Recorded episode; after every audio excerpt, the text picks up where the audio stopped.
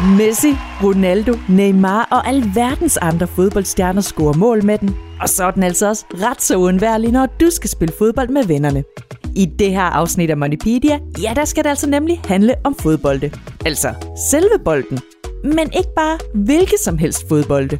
Derimod de absolut dyreste af slagsen. Som måske endda også har noget med diamanter at gøre. Og hvad det så går ud på, ja, det finder du altså ud af lige om lidt. For først, der skal vi lige give mikrofonen videre til Ebbe. Hej, jeg hedder Ebbe, jeg er 10 år gammel, og mit spørgsmål er, hvad koster verdens dyreste fodbold? Hmm, ja, det vil jeg da egentlig også gerne vide. Og for at kunne få svar på det, ja, der skal vi vist have fat i en rigtig fodboldekspert. Jeg hedder Jakob Michaelsen, jeg er 33 år gammel, og så arbejder jeg som vært på Unisports YouTube-kanal, hvor vi møder alle de største stjerner, Ronaldo, Messi, Neymar, Mbappé, og hvis du kan tænke på en stjerne, så har vi nok interviewet dem. Og så laver vi også videoer om fodboldstøvler, om fodbold. Og apropos fodbold og fodboldudstyr, ja, så er det altså også en helt særlig fodboldting, der tager ret meget plads hjemme med Jakob, og altså også tager prisen for noget af det allerskøreste, han nogensinde har købt.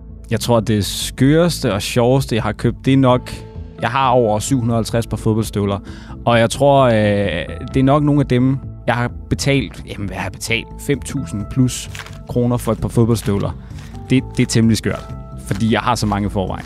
Men jeg havde ikke lige det par, og det skulle jeg jo have. Og med de 5.000 kroner styre fodboldstøvler på plads på hylden, så dribler vi videre til spørgsmålet, som det jo handler om. Nemlig spørgsmålet om, hvad verdens dyreste fodbold egentlig koster. Det dyreste fodbold i verden, som jeg kender til i hvert fald, den er lavet af diamanter. Og så koster den lige omegnen af 20 millioner kroner. Så den er, den er ret dyr. Det der er med den her fodbold er, at man kan ikke rigtig spille med den, øhm, fordi den er lavet i diamanter. Og der er kun lavet én. Okay, en fodbold, der kun er lavet et eksemplar af, og som er lavet i funklende diamanter og har en pris på omkring 20 millioner kroner. Det er verdens dyreste fodbold. Og hvem der så har lavet den diamantbesatte fodbold? Jo, det ved Jakob selvfølgelig også.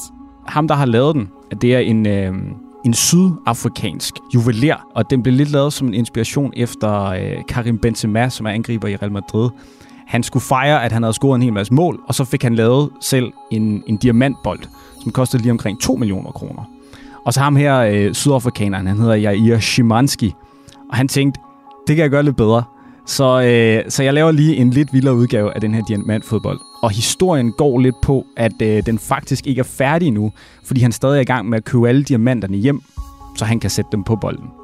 Så verdens dyreste fodbold er altså lavet af en sydafrikansk juveler, som er sådan en, der arbejder med guld og diamanter. Men verdens dyreste fodbold var jo altså også en bold, man slet ikke kunne spille med, fordi den jo er lavet af diamanter. Så hvad så med fodbolde, som man rent faktisk godt kan spille med? Hvilke af de fodbolde napper prisen som nogle af de absolut dyreste? Det sjove med, med fodbold er, at der faktisk er rigtig mange dyrefodbold derude. Og når vi snakker om vilde og dyre fodbold, så de bolde, der er dyrest, er nogle af de bolde, der er mest sjældne. Og, og det lyder måske sjovt at sige, men, men det er oftest bolde, der ikke er blevet spillet så meget med. Så altså, sjældne og ubrugte fodbolde, som altså ikke lige er blevet smurt ind i mudder efter en tur på fodboldbanen, det er altså også nogle af de allerdyreste fodbolde, man kan købe. Og specielt en af dem med en rød kirsebærblomst på, er helt vildt sjælden, og altså også helt vildt svær at få fat på. En af dem, der er sværest at få fat på, det er øh, en Adidas fodbold fra 2009, som blev lavet til den japanske Kaiser Cup, som de spiller årligt i Japan. Og det er simpelthen en hvid fodbold, og så er der sådan en, en tegning af en kirsebærblomst på. Det de kalder en sakura, sådan en, en rød kirsebærblomst. Og det lyder måske helt fjollet, men den er meget, meget ikonisk og ser ret fed ud. Og så er der nærmest ingen af dem tilbage, som er nye. Og fra ubrugte og mega dyre bolde til nogle andre dyre bolde, men som der rent faktisk bliver spillet med. For i de helt store fodboldturneringer, som Champions League, EM og VM, ja, der er der altså heller ikke nogen helt billige bolde, der bliver spillet med og hvilke fodbolde det så er, at Messi, Mbappé og de andre stjernespillere skyder på mål med, ja, det har Jakob også helt styr på. Jamen, de bolde, der bliver brugt i de største turneringer, de koster de her 1.000-1.200 kroner. Og det er mange penge for en fodbold. Men der er også en grund til, at de koster så meget, og det er fordi, at, at en fodbold i dag er ikke bare en fodbold. Nej, en fodbold er ikke bare en fodbold. Men hvorfor boldene i de store turneringer så altså er ret så dyre? Jo, det kræver vist lige en lille smule forklaring. Når du spiller de helt store turneringer med de bedste spillere, så skal de også have de bedste bolde, og det vil sige, at bolden er lavet med de bedste materialer. Den er lavet med, der er blevet simpelthen lavet så meget research på den, at den er blevet udsat for, jeg ved ikke hvor mange tests og en masse videnskabsfolk, der har været inde over den og sørget for, at den er helt rund, og når du sparker til den, så der, der, der ligger sådan en gummi øh, bold nærmest, en gummiblære inde i midten af bolden. Sørg for, at den, når, når, når man sparker til bolden, at den ikke mister for meget af sin runde form, så bolden taber kraft. Og ah, jamen, der, det er simpelthen en helt videnskab at lave en fodbold, og, og al den videnskab, den koster selvfølgelig en masse penge. Så fordi de bolde, der blev brugt i de store turneringer, har været helt vildt dyre at udvikle, ja, så er det altså også med til at skrue prisen på bolden et godt stykke i vejret. Og nu har vi så været omkring både milliondyre diamantfodbolde, sjældne fodbolde med kirsebærblomster og ikke mindst dyre turneringsfodbolde. Og spørgsmålet er jo så derfor bare, om der måske engang i fremtiden kommer en fodbold, som bare er endnu dyrere.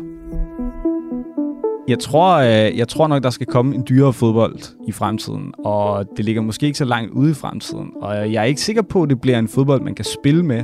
Og jeg er faktisk heller ikke sikker på, at det bliver en fodbold, man sådan kan røre ved. Hmm, en fodbold, man ikke kan røre ved, og heller ikke spille med. Det kræver vist en forklaring fra fodboldeksperten Jakob. Jeg tror, at vi en dag kommer til at se en fodbold i det her metaverse. Og det er jo sådan en, en fodbold inde i computeren, som man kan købe for en masse penge. Og så har du lige præcis den fodbold. Det er din. Så sådan en NFT-fodbold, tror jeg godt kunne gå hen og blive dyrere end den her diamantfodbold, der koster 20 millioner. Okay, så fremtidens dyreste fodbold vil altså, hvis man spørger Jakob, være en fodbold i et computerspil, og altså være en såkaldt NFT-fodbold, som egentlig bare betyder, at der kun findes den ene computerfodbold i hele verden, som du så ejer. Ret vildt. Nå, men husk så også, at hvis du også har et pengespørgsmål, som du vildt godt kunne tænke dig svar på, så skal du altså bare sende det til os på manipedia